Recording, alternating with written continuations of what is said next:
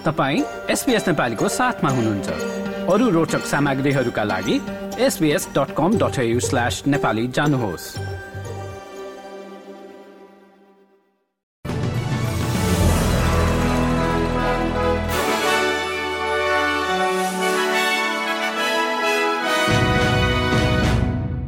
नमस्कार आज सोमबार उन्नाइस फेब्रुअरी सन् दुई हजार चौबिस।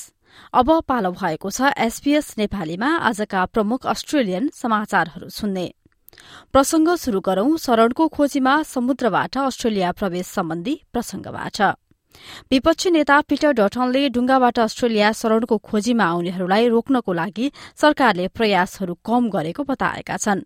पाकिस्तान र बंगलादेशबाट करिब चालिसजनाको समूह गत हप्ता ब्रोमको उत्तरमा रहेको बिगल बेमा भेटिएपछि शरणको खोजीमा आउनेहरूको विषय अस्ट्रेलियामा फेरि ठूलो राजनैतिक मुद्दा बनेका छन्। उनीहरूलाई त्यहाँबाट अस्ट्रेलियाको भूमि बाहिर रहेको बन्दीगृहमा सारिएको छ।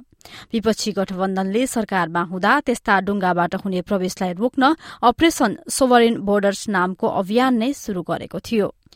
यता अस्ट्रेलियाको मानवाधिकार आयोगले दोषी पाइएका आतंकवादीहरूको अस्ट्रेलियन नागरिकता खारेजीले पनि अस्ट्रेलियालाई सुरक्षित बनाउन नसकेकोमा चिन्ता व्यक्त गरेको छ। आयोगकी अध्यक्ष रोजानेल्ड क्राउचरले संघीय संसदीय छानबिनमा बोल्दै हाल नागरिकता खारेज गर्नुले प्रतीकात्मक उद्देश्य मात्र पूरा गरेको बताएकी छन्। यस सम्बन्धी कानून गत डिसेम्बरमा संघीय संसदले पारित गरेको थियो।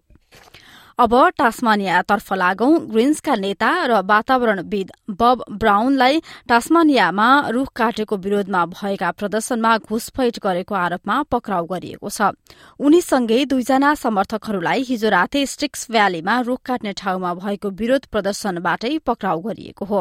ब्राउनले संसारको सबैभन्दा ठूलो फूल फुल्ने बिरूवाहरू भएको यस क्षेत्रलाई विश्व सम्पदा क्षेत्रबाट हटाउन नहुने बताएका छन्। अब सिडनीतर्फ लागौं। सिडनीका थप स्थानहरूमा एस्बेस्टोस पुष्टि भइसकेको छ भने तीनवटा विद्यालयहरूले नतिजा पर्खिरहेका छन्। गत हप्ता लिभरपुल वेस्ट पब्लिक स्कूलको माटोमा एस्बेस्टोस फेला परेपछि सिडनीको भित्री पश्चिममा रहेको फाइभ डकमा अवस्थित डोमरेमी कलेज एबेस्टोस पुष्टि भएको हुने पाँचौं विद्यालय बनेको छ। कलेजले आज दूषित साइटलाई अलग गरी घेराबन्दीमा राखेर नियमित सञ्चालन गरेको छ। अब खेलकुदमा पौडी आइज्याक कुपर र महिलाको एक सय मिटरका दरले चार पटक पूरा गर्नुपर्ने मेडले रिले टोलीले अस्ट्रेलियाका लागि दुईवटा स्वर्ण पदक जितेका छन्। दोहामा भएको विश्व पौडी च्याम्पियनशीपमा कुपर पुरूषको पचास मिटर ब्याक स्ट्रोक पोडियममा शीर्ष स्थानमा रहे। त्यस्तै महिला रिले टोलीले पदक तालिकामा डल्फिनको तेस्रो स्थान पक्का गर्दै अन्तिम स्वर्ण जित्यो। हस्त एसपीएस नेपालीबाट आजको प्रमुख समाचार। यति नै। सुरक्षित रहनुहोस्। नमस्ते।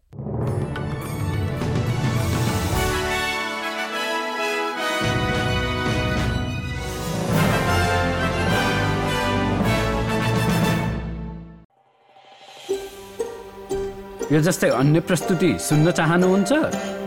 एप्पल पोडकास्ट गुगल पोडकास्ट स्पोटिफाईमा हामीलाई खोज्नुहोस् वा तपाईँले पोडकास्ट सुन्ने अन्य सेवामा।